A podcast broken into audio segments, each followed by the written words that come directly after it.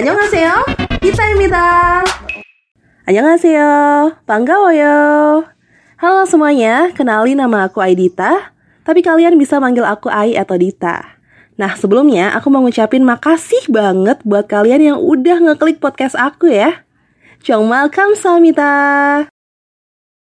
Oh my god guys, pada akhirnya aku memberanikan diri untuk membuat sebuah saluran podcast. Wow. Sekedar informasi ya, dulunya aku tuh sempat jadi announcer di sebuah radio di kota Solo.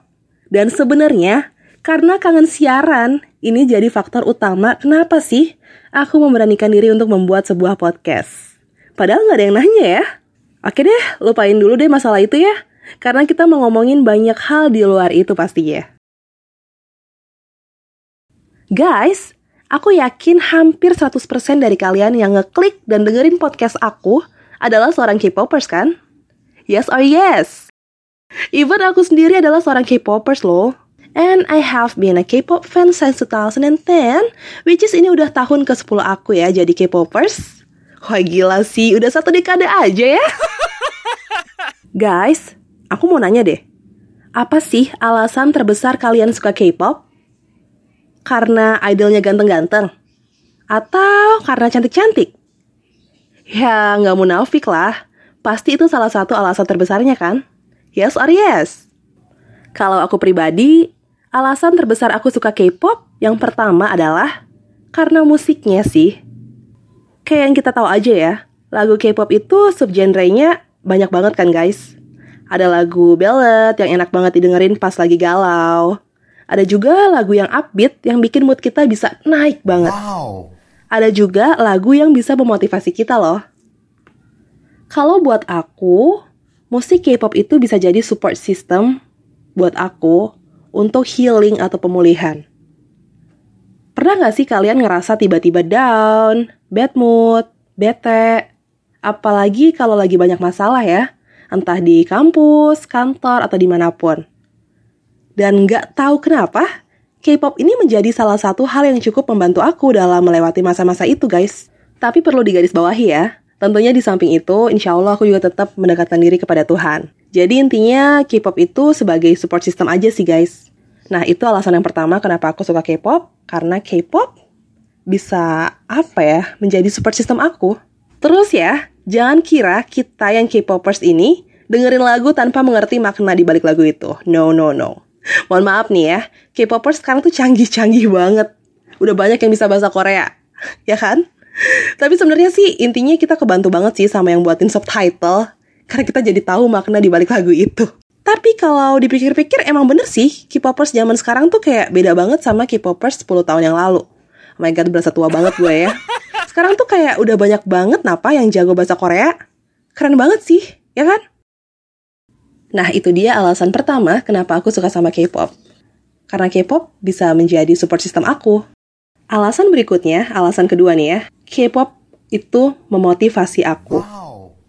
Yap, sebagai K-popers pasti kita tahu lah ya, kalau menjadi idola K-pop itu nggak gampang. Mereka harus menjalani perjalanan yang panjang, dan bahkan merelakan masa-masa muda mereka demi menjadi idola. Mereka sekolah, abis itu latihan mati-matian, dan masih harus bisa menerima kenyataan kalau-kalau mereka gagal debut. Inilah alasan kenapa aku tuh kayak yang respect banget sama mereka sih. Terlepas dari siapa pun mereka, uh, apa latar belakang mereka, dan gimana pun sifat mereka, secara nggak langsung mereka tuh udah ngiyakinin kita kalau menjadi sukses itu perlu proses. Right? Itu alasan kedua aku kenapa aku suka K-pop, karena mereka memotivasi aku, para idolnya ini ya. Dan alasan yang terakhir, ini kayak lebih universal aja ya, bukan ke K-popnya. Sebenarnya aku tuh emang suka banget sama Korea dan juga budaya Korea. Pokoknya anything about Korea makes me happy gitu. Dan alhamdulillah tahun lalu aku diberikan kesempatan sama Allah untuk berkunjung ke Korea guys. Dan di Korea pun aku tuh belajar banyak hal seperti kebudayaan Korea, kebiasaan sehari-hari masyarakatnya, sampai hal terkecil seperti membuang sampah pada tempatnya. Pokoknya, liburan di Korea tuh worth it banget guys. Ya intinya kayak gitu lah ya kurang lebih alasan kenapa aku suka sama Korea, terutama sama K-popnya. Kalau kalian gimana nih guys? Tapi nih, tapi guys, banyak kalangan non K-popers di luar sana ngerasa kalau K-pop ataupun fans K-pop itu toxic. Mereka beranggapan kalau K-popers itu alay, lebay, dan K-popers itu cuma buang-buang waktu. Menurut mereka, K-popers itu nggak banget pokoknya. Kata mereka ya. Kalau aku sendiri sih ya nggak masalah mereka mau berpikir kayak gitu. Karena sudut pandang orang kan beda-beda ya. Ada yang A, ada yang B, ada yang C. Mereka mau bilang K-popers alay pun sebenarnya nggak salah. Tapi kan balik lagi, nggak semua K-popers itu alay. Nggak semua K-popers itu buang-buang waktu loh. Bisa kita lihat kok, banyak K-popers yang bisa ngelanjutin kuliah di Korea berkat beasiswa. Banyak juga K-popers yang sampai sekarang namanya bisa besar berkat menjadi influencer K-pop. Even John Kena, kalian tahu John Kena? Dia bahkan ngaku kalau dia adalah fans BTS. See, gak semua K-popers itu alay. Gak semua K-popers itu lebay. Dan gak semua K-popers cuma buang-buang waktu. Oke lah, emang sih ada beberapa fans yang menurut aku sedikit over. Misalnya nangis-nangis pas ketemu idolanya. Atau mungkin ada yang rela oplas biar mirip sama idolanya. But, itu gak alay lagi. Ya sekarang perasaan orang siapa sih yang bisa ngatur ya?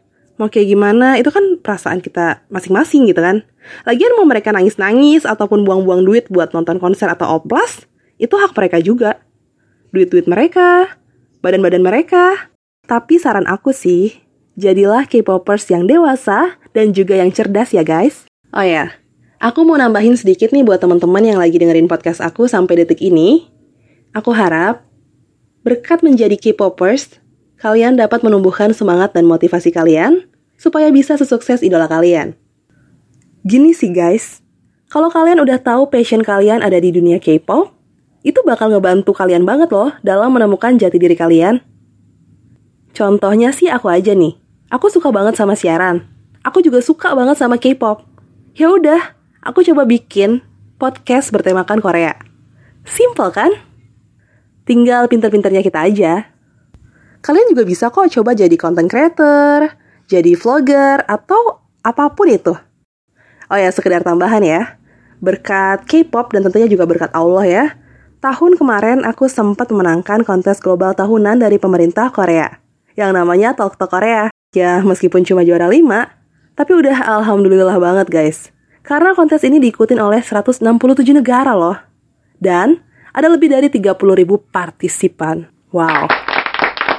Aku ngomong kayak gini bukan sombong. Aku cuma pengen ngebuktiin kalau K-popers itu bisa lebih dari apa yang orang lain pikirin. Gak cuma buang-buang duit, dan gak cuma alay. Oke guys, gini deh. Kalau misalnya sampai sekarang pun banyak yang mandang sebelah mata ke kalian karena kalian K-popers, jadikan kata-kata itu sebagai cambuk dan motivasi dalam menggapai mimpi kalian. Jadi, jangan patah semangat hanya karena caci maki mereka, guys.